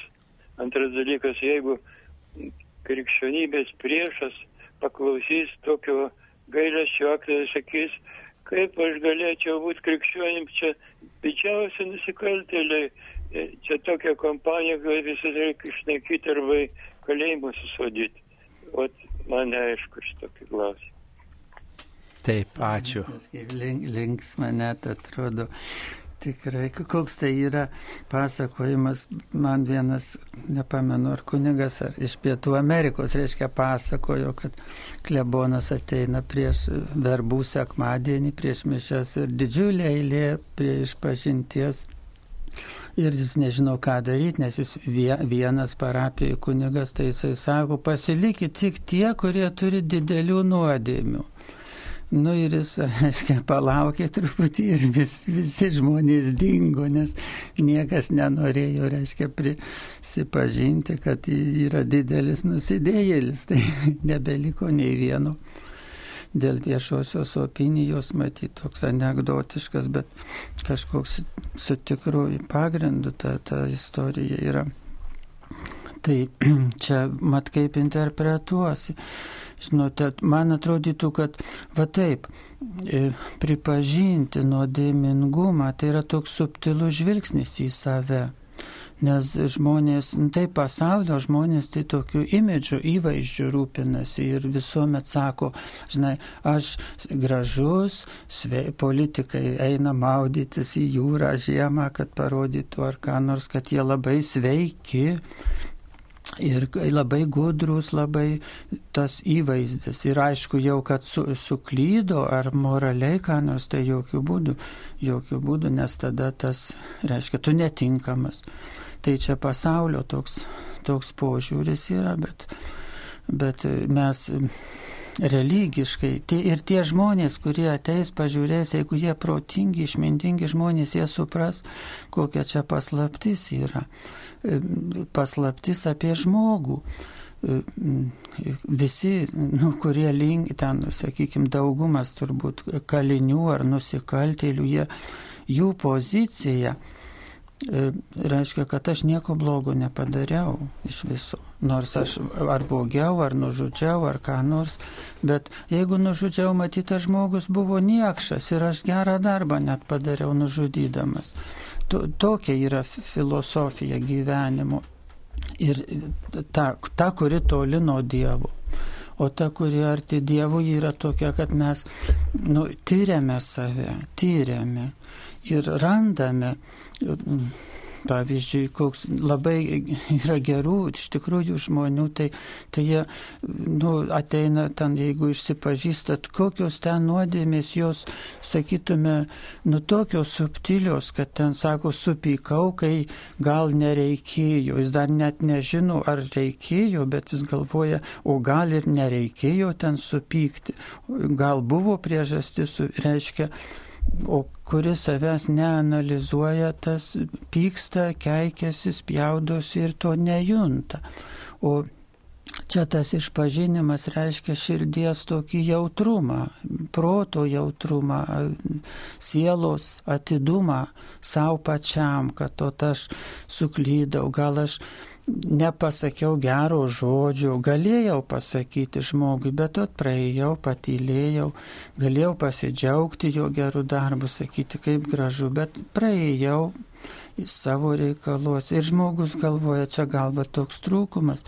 Tai mes daugybę, daugybę trūkumų galim ir ir jau, sakykime, tą krikščionišką gyvenimą gyvendami ir atsikratę visokių įdų, vis tiek matom dar kas, kas galėtų būti geriau. Ir čia toks galbūt ateinam į mišęs, susitikti su Dievu, į Dievo akivaizdą ir, nu, reiškia, suvokti tą save suvokti, kad mes, mes turim atmesti visą savo, visokį egoizmą, pavyzdžiui, kuris, nu, kaip sako, žmogus numiršta, o egoizmas dar po to numiršta už 15 minučių. Irgi toks, kaip sakant, linksmas posakis. Tai mes egoizmą visur, nu, jis vis tiek išlenda ir išlenda kaip nors. Tai ir ateina, o Dievas yra be galo tyras, šventas ir mes norim pasakyti, kad mes labai atsiprašom, kad drįstam ateiti pas Dievą, drįstam. Ir norim tą tikrovę įvardinti, kad mes esam įdingi mes nu, net nelabai pasiryžę, visas net nepajėgus, visas tai tikrai savo įdas šiandieną išnaikinti. Galbūt ir norim, taip galim pasakyti, geriausiu atveju norim, bet tas noras vėl išgaruoja ir vėl mes į savo įdas. Gal tos įdos ir labai subtilios gali būti. O kartais ir, žinai, mums atrodo subtilios, o iš šalies žiūrint ir, žinai, labai, labai didelis. Tai čia, čia iš tikrųjų tas gailesčio aktas yra toks giluminė išvalga, gal kokie psichoanalitikai pasakytų, čia didžiulė giluminė išvalga į, į žmogišką ją būti, kas yra žmogus. Ir, ir žmogus, kuris nori būti geresnis, nori šventėti, tai jis visuomet pamatys savo trūkumus ir norės juos pašalinti.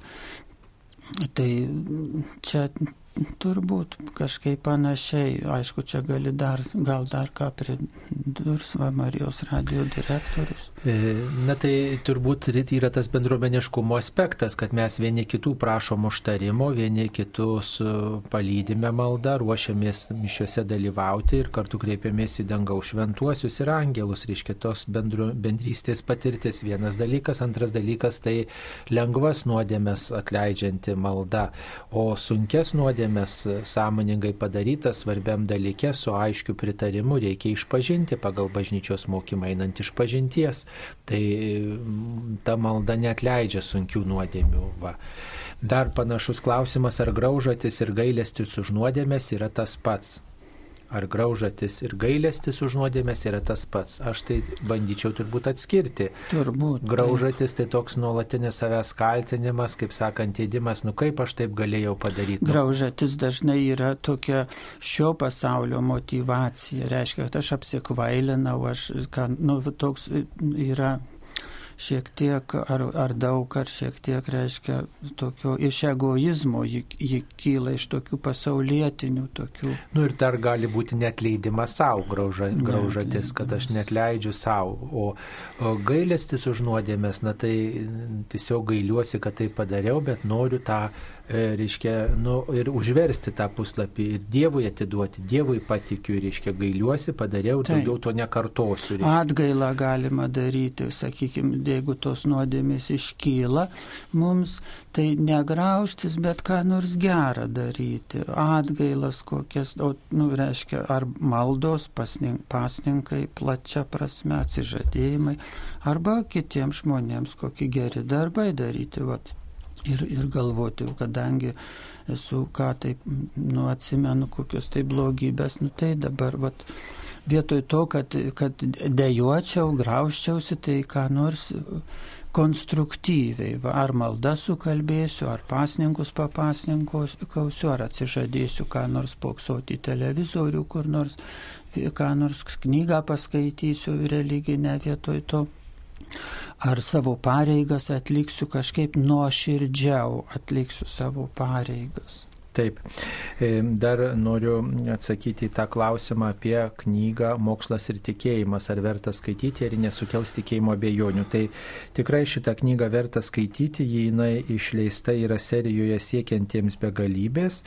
Tai yra tokia serija, kuria rūpinasi Lietuvos ir Latvijos jezuitų provincija, tai yra trečioji tos serijos knyga ir mm, tos e, serijos tikslas, viso to projekto siekiantiems begalybės tikslas, tai yra prisidėti prie mokslo ir tikėjimo dialogo puoselėjimo. Mm, tai toje knygoje mm, ir svarstoma, ar mokslas suderinama su tikėjimu, ar nepaneigia Dievo kaip asmens, ar protas yra daugiau nei smegenys, gyvenimas po mirties, ar visata turi tikslą ir panašus klausimai. Tikrai galite skaityti, tai yra tinkama e, mūsų tikėjimo ugdymui knyga. Mums paskambino. Jonas iš Marijampolės. Taip, Jonai, klauskite. Garbėjai Jėzų Kristui. Per amžius. Aš tyrinėjau šitas evangelijas, skaičiau neseniai evangeliją pagal Tomą, man tik keista, kodėl tik tos keturios yra kanoninės, o kitos yra apokryfinės, nors jų yra gal 20 evangelijų. Kiek aš apie Tomą skaičiau, ten ten nieko eretiško tokio nėra. Taip, Nes supratom, žmogus- supratom jūsų klausimą, ačiū. Reiškia, kodėl tik tai keturios Evangelijos yra kanoninės? Nu tai taip, vis tiek yra, yra kokie tai atskaitos kriterijai. Tuo metu buvo nu, bažnyčios vadovų požiūrių ir, ir taip kokiu nors ki- kitur, kai kuriuose Evangelijose jau jos gal ten pretenduoja kažką, tai tos apokrifinės kažką tai tokio pasakyti, bet to meto, kai buvo tiek tas kanonas sudarinėjamas, bažnyčios vadovai gal buvo arčiau, arčiau tų ištakų krikščionybės ir jie juto, kad tai toks net, netikras pinigas, netikri tokie dalykai, pri, prikurti šiek tiek. Bet to daugelis tų ke- nekanoninių evangelijų pagal parašymo aplinkybės yra daug vėlesnės negu tos, kurios yra vadinamos kanoninėmis. Ir, ir mm, vėliau parašyti tekstai jie atmesti kaip nepatikimi. Tas kanono formavimas jis užtruko e, gana ilgai, tas pripažinimas, kurio, kurie raštai yra patikimi Dievo įkvėpti. Ir, ir, žodžiu, vadinasi, tai labiausiai maitino tikėjimo bendruomenės ir, ir tikrai e, tas autoritetas jų buvo tiesiog nu, neginčiamas prieš kitus raštus, kurie, reiškia, dažnai yra abejotini. Tai tas klausimas yra kaip ir užvertas. Žodžiu, ta informacija nėra patikima. Tai gal galima priimti kaip tam tikrą mm, pamaldžią literatūrą, paaiškinančią kai kuriuos dalykus, tačiau tai nėra Dievo žodis, e, taip kaip mes e, suprantam šventą įraštą, Dievo įkvėptas ir, ir tikrai daugybė bendruomenių maitinės, stiprinės ir Dievo artumą padėjęs išgyventi. Taip, dar viena žinutė. Šilovoje 8 val. dieną 10 val. rugsėjo mėnesį bus gėdamas akatis. Tas labai graži giesmė, gal Marijos radijas galėtų transliuoti. Jei ta giesmė gėdama iš e, apreiškimo koplyčios, ten nėra mūsų aparatūros, būtų komplikuota tą padaryti, bet apie tai aišku galima galvoti. E, taip, e, kaip viešpats pašaukia žmonės skirtingų laikų, taip ir tautas. Na, kaip viešpats pašaukia žmonės, žmonės asmeniškai pašaukia, o kaip pašaukia tautas. Mm. Įdomus klausimas.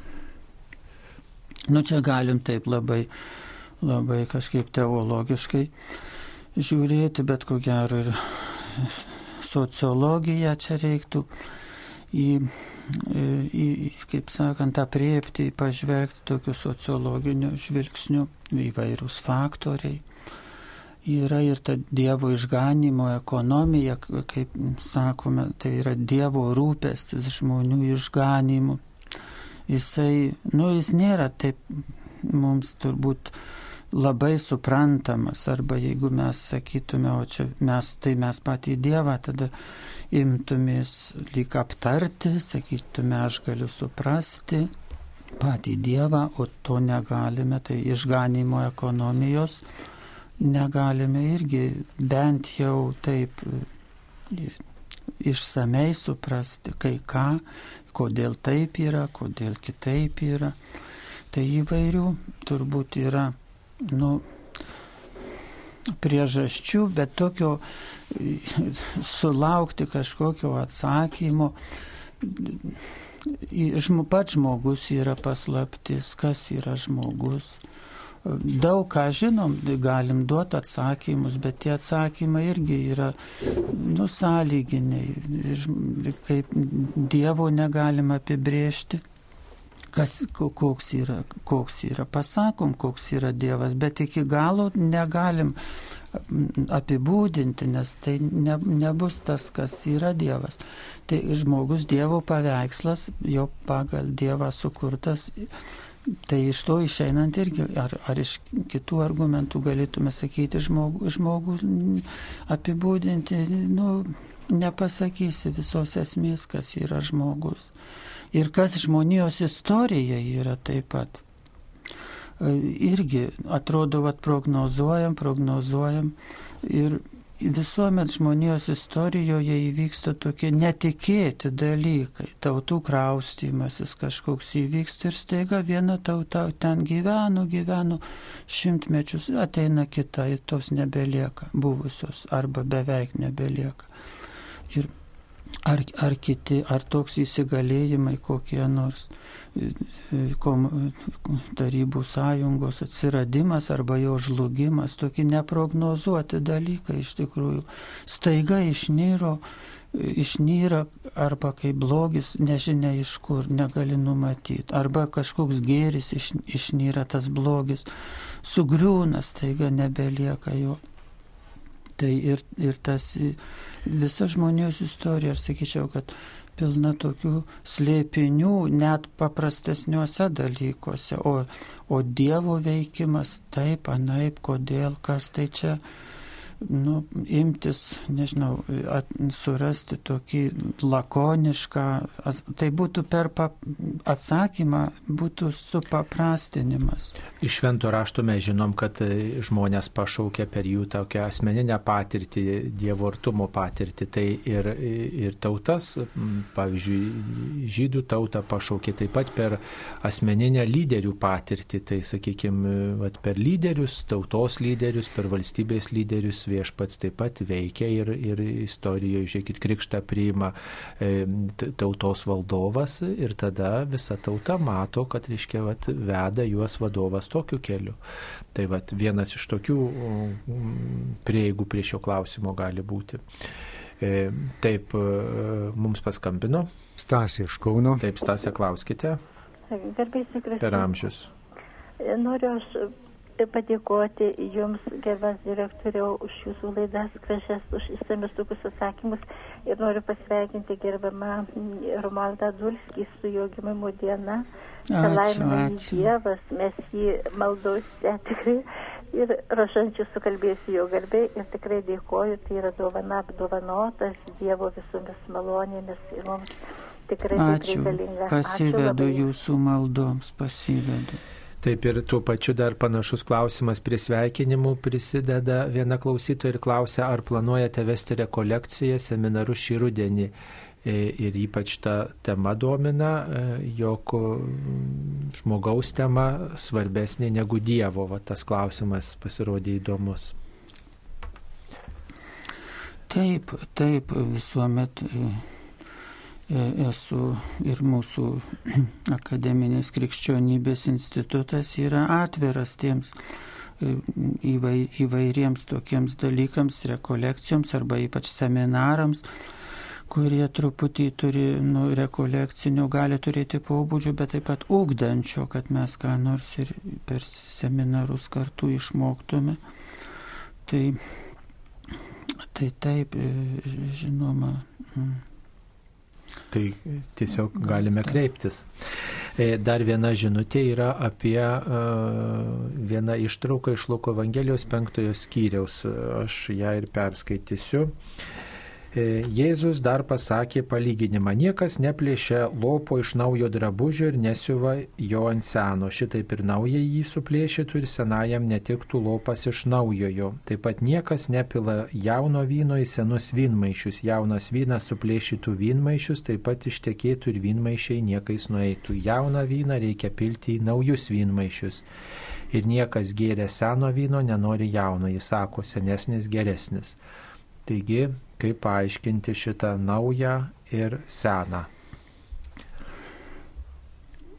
Nu, Jėzus kitoj ten vietoj e, sako, išmintingas rašto aiškintojas iškelia senų ir naujų dalykų. Tai ko gero, e, va čia mums reikia nu, religiniam gyvenime, e, tokiam turbūt, tai reiškia būtų tas, kad sen, senus dalykus yra tradicija paimti, kas yra, kas yra praeitį, ką žmonės yra atradę apie Dievą, supratę. Ir, nu, kažkaip vis tiek yra Dievas amžinai naujas, kaip apreiškimo knygoje, sako, aš visą darau naują. Tai turbūt reiktų suprasti ne, kad ten paskui bus tas nauja, kai jau po pasaulio pabaigos bet kad Dievas šiandienis visuomet yra šiandienis. Jėzaus, Jėzus atėjo toks kaip jis naujų dalykų mokytojas ir atrodytų, kad tas, tas aspektas jo, jo misijos nėra iki galo, nu, ne iki galo niekada nesuvoksim, bet nėra pakankamai atkreipiamas dėmesys, kad Jėzus, mo, ką mokė, tą mes jau atmintinai žinom, kurie skaitome Evangelijas ir, ir klausom tie tekstai atmintinai išmokti, bet tas aspektas, kad Jėzus atėjo ir jis pasakė nau, naujus dalykus, kad jis buvo inovatorius. Jeigu jis dabar ateitų, jis pasakytų vėl naujus dalykus, bet jis visuomet yra su mumis Dievas. Ir jis, jis nu, reiškia, išganimo tas, ta ekonomija, ji ji nėra stabilus toks dalykas, vieną kartą įvykęs arba pateiktas. Mm, turbūt reiktų apie tai mąstyti, bet jis yra dinaminio pobūdžio, ko gero. Dievas e, leidžia, kad žmonijos istorija vystytųsi, žmo, žmogus vystytųsi, žmogus keistųsi. Ir, ir tas kintamumas nu, per kis, kisdami, keisdamiesi mes turime save pažinti ir, ir Dievą pažinti. Ir naujai ar tobuliau, giliau, turbūt taip, yra tas ir tas reiškia, naujumas yra jokių būdų nepaneigiam, nepaneigtinas, negalime jo paneigti. Dievas tas amžinai jaunas ir naujas, jis veikia įvairiausioms aplinkybės ir įvairiai prakalbėti gali, ne tik tai taip, kaip aš esu įpratęs turbūt. Tai mums paskambino. Janina iš Vilniaus. Taip, Janina, klauskite trumpai. Gar, Garbėzai, per amžius. Na, čia klausimas kunigui Dulskai kokia prasmė bendradarbiauti, suartėti su protestantais, juk esminis skirtumas lyginant su katalikų tikėjimu, kad jie netiki Jėzum švenčiausiam sakramente, nesimeldžia Marijai šventiesiam. Prašau atsakyti. Taip, tai ačiū už klausimą. Nu, ekumenizmas, draugavimas tarp, tarp konfesinis yra kaip gėris toksai, kad nes, nesipykstame, nesipravardžiuojame, kaip anksčiau yra buvę. O kitas, man atrodo, toks reiškia horizontalus tas gėris. Bendraujame ir, ir sakykime, yra protestantų pavienių asmenų, kurie, e, kurie yra nu labai Dievui atsidavę žmonės. Ir O katalikų yra irgi tokių labai atsidavusių, bet ir vienoje, ir kitoje konfesijoje katalikų ir protestantų yra tokių drungnų, kaip bibliškai sakant, drungnų katalikų, drungnų protestantų, kurie, kur, kuriem Dievas nelabai rūpi iš tikrųjų. Tai ir dabar, nu, su, su kuo mes randam tą, sakykime, kad ir bendrą kalbą gyvenime, tai mes randam, galbūt jeigu mums Dievas brangus, tai mums net lengviau gali būti bendrą kalbą rasti su protestantu, kuriam irgi Dievas pirmoji vietoje svarbiausias yra, jis su juo prabunda rytą ir dieną pabaigia, negu su kataliku, kuris kuris, nu, vienu žodžiu, va, koks nors drungnas toksai. Tai aišku, kad yra skirtumai jūsų įvardinti e, tarp katalikų ir protestantų, bet e, yra galbūt ir Euharistija yra tam, kad mes būtume perkeisti į Jėzų Kristų me, katalikai, sakykime, mes einam komunijos, e, tikim realių buvimų. Yra protestantai, kurie taip pat tiki realių buvimų Euharistijoje. Arba tas simbolinis buvimas, bet jis irgi, nu, praktiškai jis labai priartėja tas suvokimas, reiškia simbolinis Jėzaus buvimas, bet jis faktiškai jis priartėja labai prie, prie tos tikrovės. Nu, bet čia jau tokie gal ir teologiniai subtilūs klausimai. Nu, kita vertus, jie labai žmogiški tie klausimai. Tai, bet ką norėjau pasakyti, kad eidami mes komunijos, nu, neturėtume, manyčiau, galvoti, kad tai ir yra mūsų tikslas priimti Jėzų Euharistijoje, bet tolesnis dar tikslas tai yra, kad mes taptume, būtume perkeisti, būtume panašesni į Jėzų Kristų. Tai ir tas yra ir, kaip, ir dvasiniai literatūroje įvardinta, ir bažnyčios mokymė, taip galėtume turbūt sakyti, kad maldose ir kai kuriuose tas išreiškiama, kad Jėzau padaryk, reiškia, priėmiau tave, tavo kūną ir padaryk mane į panašų į save, perkeisk mane, apvalyk mane, taip toliau apšviesk mane.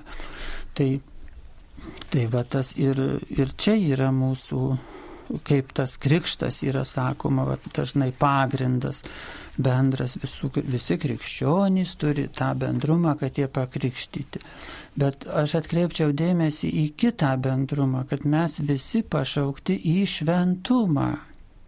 Į šventumą, į tokią gyvenimo pilnatvę ir katalikai, ir protestantai, ir rytų krikščionys, ir, ir net nekrikščionys pašaukti į, į šventumą. Ir jeigu mes einame šventėjimo keliu, labai rimtai, jeigu tą suvokiame savo misiją, savo pašaukimą. Ir tai čia yra pats e, esminis dalykas. Turbūt e, aišku, kad labai brangu ir Euharistija, ir Marija mums katalikams brangu, nes Dievas per Mariją labai stipriai jaučiame, turim patirtis visokias. Bet e, esmė turbūt vis tiek ta Dievo malonė yra tokia, kas protestantizme labai įdomi ta mintis, jeigu ta, ta idėja solė, gracija, malonė, pilna malonės yra per, per Jėzų, kaip jie sako. Ypač reiškia, per, bet tiesiog išganimo ekonomija Dievo yra tokia, kad pilna malonės. Dievas yra, nu, jis duoda tos malonės žmogui, bet, bet priimti yra, nu, žmogaus, žmogaus interesų siaurumas padaro tai, kad ir ta mal, tos malonės trupiniai tik tai ateina iki mūsų. Dievas nori malonė, kad mes būtume pilni malonės, iš tikrųjų kaip Marija, visi ir katalikai, ir protestantai, ir visi žmonės. Ir duoda tą malonę, o mums reikia ją priimti. Taip ačiū kunigu už atsakymus. Mėly Marijos radio klausytojai, šioje laidoje dalyvavo kunigas profesorius habilituotas daktaras Romualdas Dulskis ir prie mikrofono buvau aš kunigas Saulis Bužauskas. Būkite palaiminti, gražios dienos. Ačiū sudė.